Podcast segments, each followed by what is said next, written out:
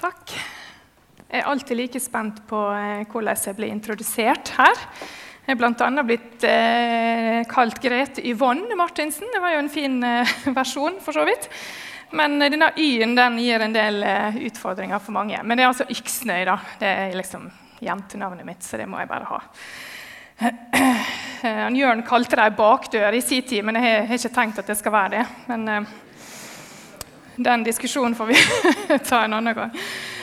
Uh, ja, så utrolig kjekt, altså. Jeg, jeg, er blitt så gammel at jeg blir litt sånn rørt av å være her og se liksom alle ressurser og alle som vil engasjere seg i NLM, eller i kristent arbeid. Da. Det er det som er det viktige. Det er kjempeflott. Og jeg håper at dere opplever masse velsignelse tilbake for engasjementet deres. Eh, jeg tror Mange av oss har noen sånne moment i livet som vi liksom ser tilbake på og husker veldig godt. Jeg har kanskje litt overkant mange, for jeg har litt sånn elefanthukommelse på en del ting. Da. Opplever kanskje litt uh, mange ting. Men um, Eh, men det jeg skal fortelle om nå, det høres veldig fromt ut. Jeg kunne fortalt veldig mange ting som ikke er så fromme, men, eh, men nå passer det på en måte mest inn da med dette her. Og det var når jeg var sånn, jeg tror jeg var sånn ca. ti år.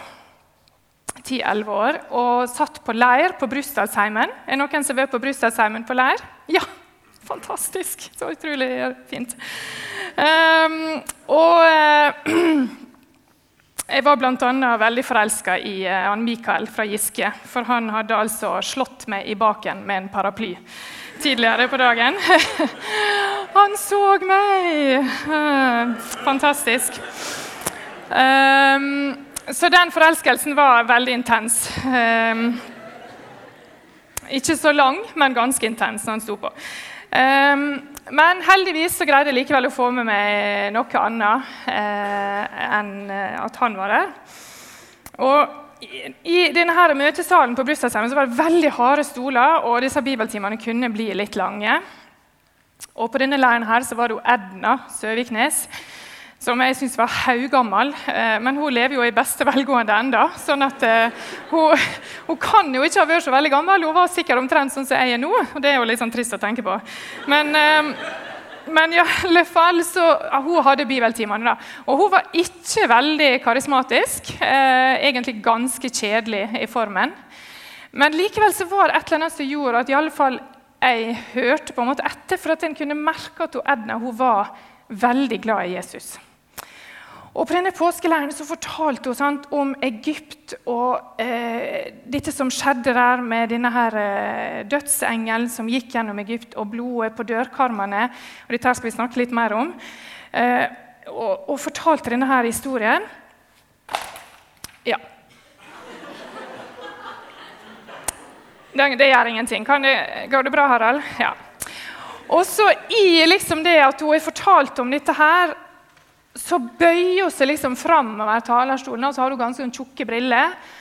Og så sier hun det at Og vårt påskelam, sa hun. Vårt påskelam er allerede slakta. Det var Jesus. Og dette sa hun om igjen og om igjen. Vårt påskelam er slakta. Jesus. Og Dette hadde jeg hørt mange ganger før, for jeg har vokst opp i en kristen familie og fått veldig mye med meg hjemmefra.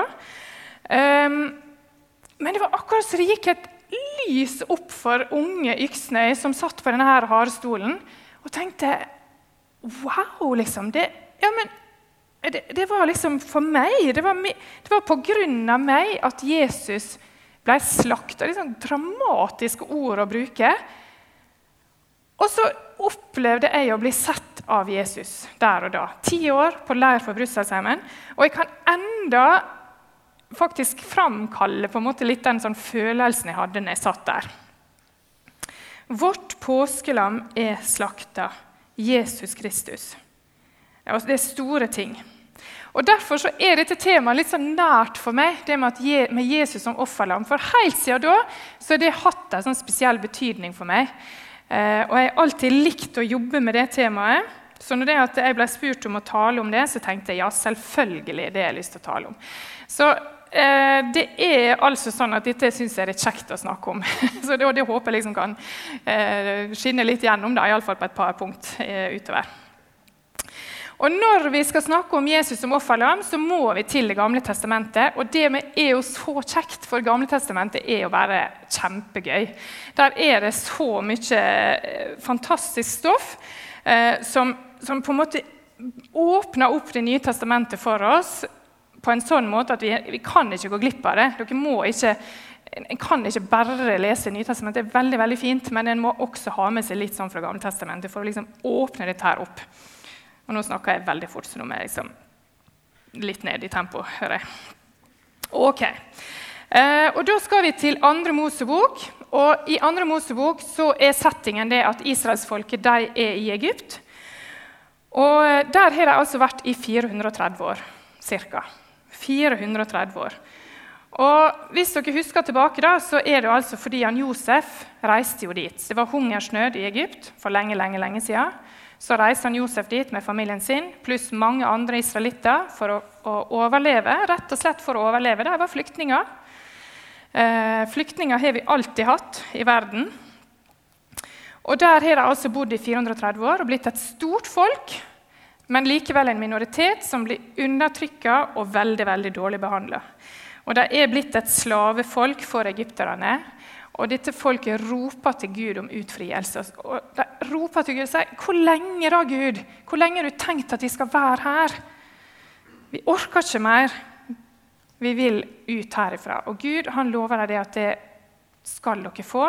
Og så sender han, Moses, og så er det masse fram og tilbake. Sant? Det husker dere.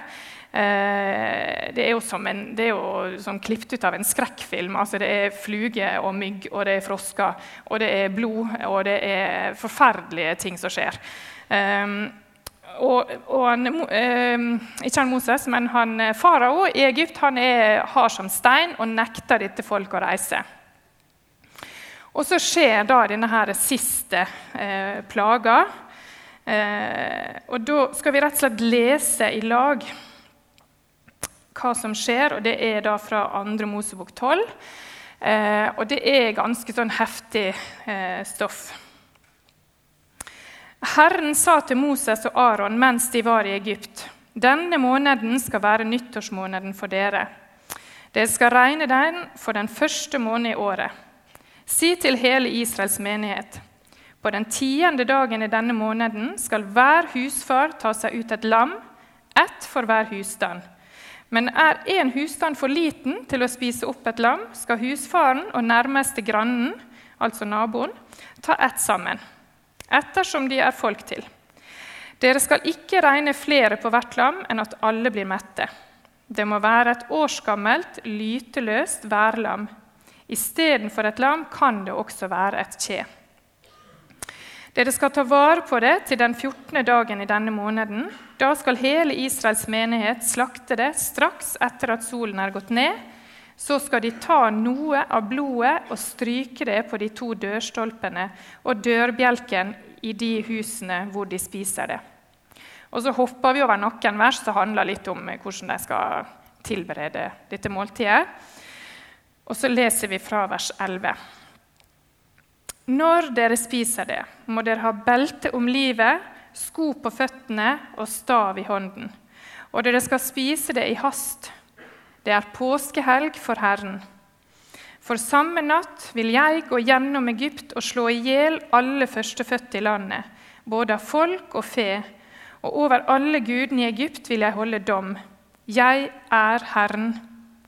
Men blodet skal være det merket som viser hvilke hus dere er i. Når jeg ser blodet, vil jeg gå forbi. Ikke noe ødeleggende skal, slag skal ramme dere når jeg slår Egypt. Siden skal denne dagen være en minnedag for dere. Da skal dere holde helg og høytid for Herren. En evig ordning skal det være for dere, og feire den i slekt etter slekt. Dette får han Moses vite med Gud, og så formidler Moses det videre til folket. Og akkurat sånn på den tiende dagen i denne måneden så skal dere finne et lam sånn og sånn. Så skal dere slakte det, og så må dere stryke blodet på dørkarmene. fordi at forferdelig, et forferdelig slag skal ramme Egypt. Og det eneste måten å, å, komme unna det på, det er å ha dette blodet på eh, dørkarmene. Eh, og så gjør de det, og så sitter de da denne natta. Og jeg ser for meg at det er ingen voksne som sover denne natta her. Det ser iallfall jeg for meg. Og De sitter bak disse dørkarmene. Det er det eneste som beskytter dem, det er det blodet som de har ute. Og jeg er sikker på mange tvilte på at dette kunne gå bra.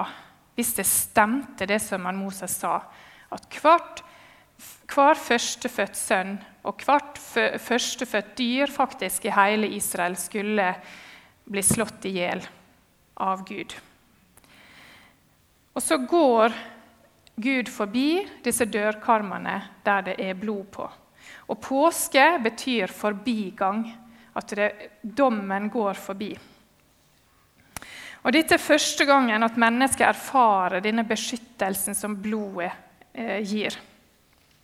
Og Det er en utrolig sånn heftig historie og en forferdelig historie. og Jeg kjenner som, som voksen og som mor at det er liksom vanskelig nesten å fortelle den. Tenk for, så forferdelig det var for Egypt. Og det står jo det i Bibelen at etter denne natta, når, på morgenen når egypterne forstår hva som er skjedd, så stiger det opp et skrik fra Egypt, står det. Og Vi har et uttrykk som heter ramaskrik. Har dere hørt det uttrykket? Det kom fra denne historien her. Et skrik steg opp fra Rama, som er en del av Egypt. Et ramaskrik. Det er dette skriket som kommer når de oppdager det som er skjedd. Men israelsfolket satt altså beskytta bak dette blodet. Og Jeg kjenner på en sånn trang i meg til å si men må det være så alvorlig. da? Må vi liksom snakke om eh, død og blod og straff og dom og alle disse tingene her? Må det liksom være så alvorlig? Kan vi bare ha det kjekt? Kan vi bare prise Jesus og takke for at han hjelper oss med eksamen. Og Det er jo fint, det. altså. Han gjør det. Han gjør det. Jeg skal ikke tulle med det. Jeg har bedt over mange eksamener i mitt liv. Så det er ikke det det handler om. Men, men jeg tror vi har en sånn trang i oss da, til at vi heller syns det hadde vært litt sånn greiere hvis vi bare kunne holde det på et litt mer sånn normalt nivå, liksom. Og så er det dette som er kjernen i Eh, det bibelske budskapet. Dette blodet som må til for å beskytte oss imot den vreden som Gud viser over synda. Og så tror jeg også at takk og glede over det som Jesus har gjort, har sitt utspring nettopp her. Nettopp i det å se det at hans sitt blod det ble ofra for oss. Ikke fordi det var en fin historie, men fordi det var helt nødvendig. Helt, helt nødvendig. Og Denne offertanken er nok litt sånn fjern for oss. Vi er i et samfunn der vi ikke er nødt til å ofre så veldig mye. Eh, vi kaller gjerne kollekten, iallfall i kirka så kaller de gjerne det for et, eh, en offergave. Og jeg tenker litt sånn at ja, På et eller annet tidspunkt så var det et offer for folk å grave djupt i lommene og finne noe å gi. Nå er det sånn at vi merker ikke engang det, de hundrelappene vi, vi putter i kollektkorga. Um, vi har liksom alt vi trenger likevel. Så jeg tror at dette med offer er også litt sånn fjernt for oss. At det må til, da. Men når vi leser det bibelske materialet, når vi leser det, eh, både Det gamle og Det nye testamentet, så ser vi at det er en helt sånn grunnleggende tanke. Helt ifra Adam og Eva ødela alt og ble kasta ut av Edens hage, så begynner de å ofre til Gud. Og det er det det godt, det er ikke bare for tilgivelse for synd, men det var eh, grødoffer, og så var det takkeoffer, og så er det brennoffer og fredsoffer. Og det er en måte å, å, på en måte vedlikeholde kontakten med Gud. En måte å ha blikket festa på sin skaper. En måte å takke han for det som, som eh, han gir. Sånn ble offeret brukt Eh, for de første menneskene på jorda. Eh, det kan vi se helt tydelig. Og så, når israelsfolket, etter at dette her forferdelige har skjedd Men i den natta der eh, Israel, egypterne blir slått så hardt, så får israelsfolket lov å reise. Og Så reiser de ut i, i ørkenen. Og der eh, blir de jo eh, ei god stund. Skal vi se. Og ute i ørkenen her så får de, eh, får de gudstjenesteliv.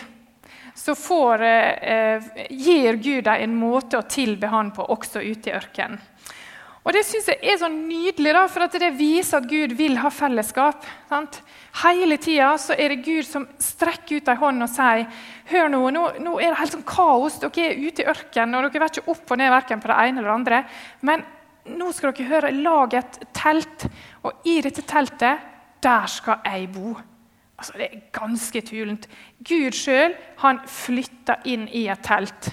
Han, han flytta inn der med hele sitt vesen, og så var han der midt i blant israelsfolket. Tenk for en håndsrekning til disse som suser rundt i ørkenen og ikke aner hva framtida bringer.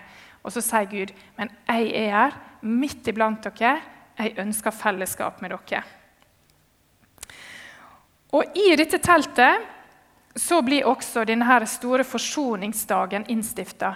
Denne dagen der de skal få tilgivelse eh, for syndene sine. Er, Gud inviterer til fred, til forsoning, til betaling for det som er gått galt gjennom det siste året. Og Vi skulle brukt en hel dag på å gå gjennom 3. Mosebok kapittel 16. Jeg har bare lyst til å si, Les det hvis ikke dere har lest det kapitlet. 3. Mosebok kapittel 16. Det er helt fantastisk. Og det er irriterende detaljert, men hvis en klarer likevel å, å lese disse detaljene, så står, står, det utrolig mye som åpner opp for hva det var Jesus gjorde for oss. Og Jeg skal prøve å bare si det litt kort. Men hovedmomentet er at det er to sånne bukker som må ofres for folkets synd. Det er denne offertanken. Det må betales. Det må gjøres opp mellom Gud og mennesket for at dette fellesskapet skal være mulig. Sant? Så skulle to lyteløse bukker bli tatt ut. Den ene ble slakta, på, slakta der og da. og Veldig mange forskjellige ting som skjer, men i alle fall så blir blodet tatt med helt inn i det aller helligste. Og inn i det aller helligste, der er altså Gud. Og Det betyr at der er det farlig å være for mennesket. Eh, men Øverstepresten har tillatelse til å gå inn der én gang i året med dette blodet. Så blir dette blodet kasta utover nådestolen og paktskista. Oppi denne paktskista ligger de ti bud. Og de ti bud de er veldig fine å ha hvis vi lurer på om vi egentlig er så veldig syndige. Så kan vi lese dem, og så skjønner vi at å, du skal ikke lyge. ja. Du skal hedre din far og din mor. Du skal ikke begjære din nestes eiendom. Mm. Ja. Her er det mye som vi, vi, kjenner treffer oss. Så der ligger de ti bud og anklager oss, og Gud er der inne. Men så kommer dette blodet imellom. Så når Gud ser ned på de ti bud som anklager meg og deg, som anklager israelsfolket, så ser han at blodet kommer imellom. Og så kan Gud si her er det betalt. Her er det betalt. Da glemmer vi det. Da er det oppgjort. Det er ingenting mer som skal gjøres opp i forhold til dette her. Og det er jo fantastisk. Men så er Gud så pedagogisk, for dette skjedde jo inne i det aller helligste. Så det var jo kun øverstepresten som fikk lov å se det. Så for at det skulle være noe mer, noe som alle kunne få se, så er det denne her syndebukken. da den, den andre bukken. Og Han er det jo litt synd på, for han, han eh, blir jo da ført ut av leiren. Eh, og Det står at han skulle føres så langt ut av leiren at han ikke kunne på en måte komme seg tilbake igjen. Og Så kan israelsfolket stå der og vite at det som jeg har gjort gale det siste året, det ligger på denne syndebukken. Og Så kan de stå og se at den blir tatt ut av leiren, vekk fra leiren, så langt vekk fra leiren at den ikke kan komme tilbake. Og så dør denne syndebukken der ute, helt alene, forlatt. Eh, eh, med all skyld og straff for det som israelsfolk hadde gjort. Syndebukken som bærer synda. Og Vi som kjenner hele historien, vi som både kan ha med oss det, og kan lese det som skjedde i påska, som vi har fått feire nå. Vi ser jo hvordan dette her henger sammen. Dette lyteløse lammet som måtte dø, eh, dette blodet på dørkarmene, det er Jesus sitt blod for meg. Sant? Jeg trenger den beskyttelsen som det blodet gir, i møte med Gud. Gud lot ramme Jesus det som skulle ha ramma meg. Det som, skulle, det som, jeg har gjort meg skyld i, det lot eh, Gud ramme Jesus. Og så kan jeg sitte på en måte bak disse dørkarmene, bak dette korset med det Jesus sitt blod på, og så være trygg. Fordi at Guds straff har allerede straffa Jesus. Nei, Guds vrede allerede straffa Jesus for det. Og så ser vi denne syndebukken. Og det er jo Jesus. Vi ser det jo så klart. Selvfølgelig er det Jesus. Som bærer verdens synd, som dør alene, forlatt av mennesket, forlatt til og med av Gud sjøl. For meg. Gudsforlattheten som Jesus opplevde når han hang på korset, den var total. Den var total for at jeg skulle slippe det. For at jeg skal slippe den gudsforlattheten. Og der dør Guds egen sønn i et totalt mørke. Og det er ganske heftig å tenke på. Pint og plaga og i smerte, og så måtte de til blodet renne for meg. For min frihet for at jeg skulle slippe å møte det en dag. Eh, Jesus sitt blod kom mellom meg og det som anklager meg. Og dette angår oss. Det angår hverdagslivet mitt. Og det er ganske utrolig å tenke på. Og at det gjelder på, på en lørdagskveld i Oslo, så gjelder det som Jesus gjorde den gangen. Johannes 1,29 er et vers som jeg tror mange er glad i. For Det er, så, det er liksom lett å lære, og det er um, ja, fint å, å, lese. Og det er Johannes døperen som taler profetisk når han ser Jesus komme mot seg. Og så sier han, 'Se der Guds lam som bærer verdens synd'. Johannes, Jeg tror ikke han skjønte helt hva han sa. Men det ga mening, og det ga gjenklang for de som hørte det. Et lam som bærer verdens synd, påskelammet som de slakta hvert år til minne om det som skjedde i Egypt. Hmm. Er det virkelig Messias? Og så sa hun Edna på leir på Brustadsheimen vårt påskelam er slakta. Jesus Kristus. Eh, jeg har lyst til at vi skal lese i lag fra Jesaja 53. Nå nærmer jeg meg slutten, bare sånn at dere kan slappe av med det. Men jeg har lyst til at vi skal lese i lag fra Jesaja 53. og Det er noen utrolig sterke vers. og De er skrevet 700 år før Jesus ble født. Så er disse versene skrevet. Og så er det så detaljert om det som, som eh, Jesus var igjennom. Og og Jeg har lyst til at vi skal lese hele ti vers, men vi skal få dem opp på skjermen, sånn at det er lettere å følge med. Ja da, her er vi.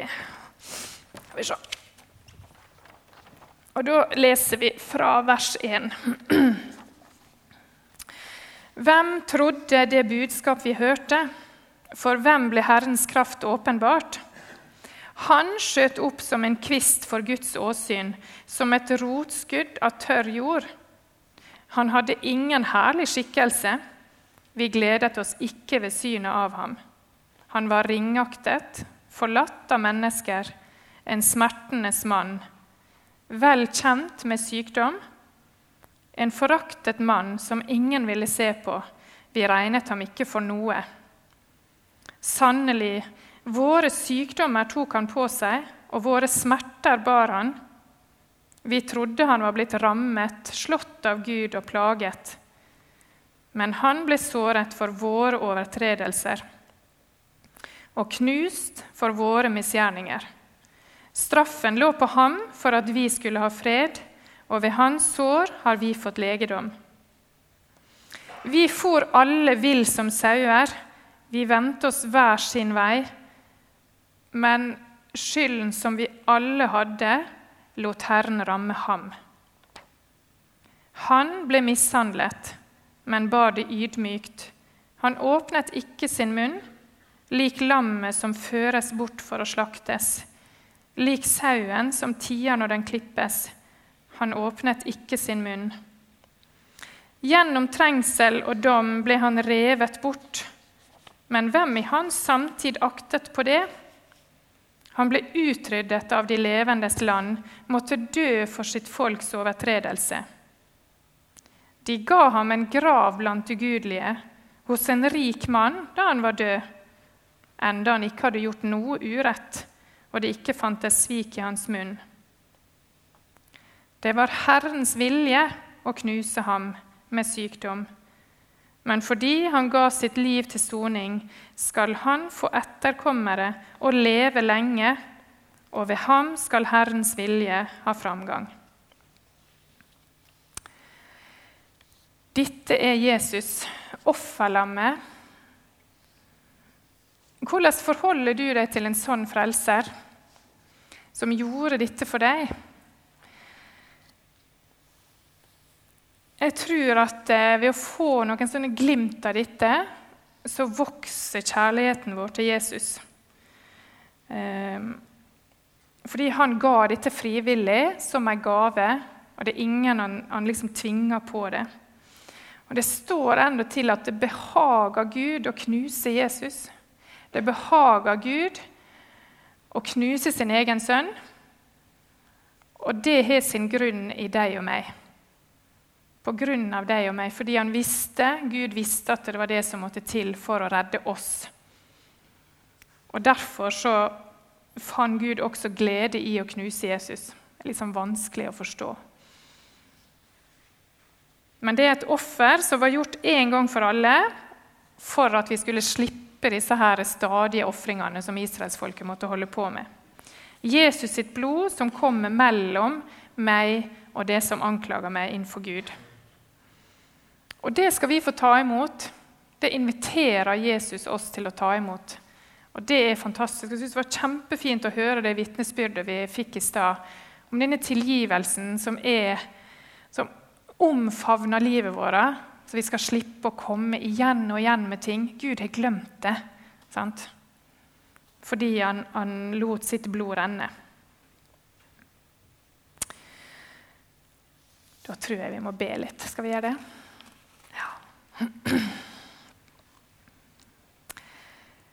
Jesus, takk for at du eh, gikk i døden for oss.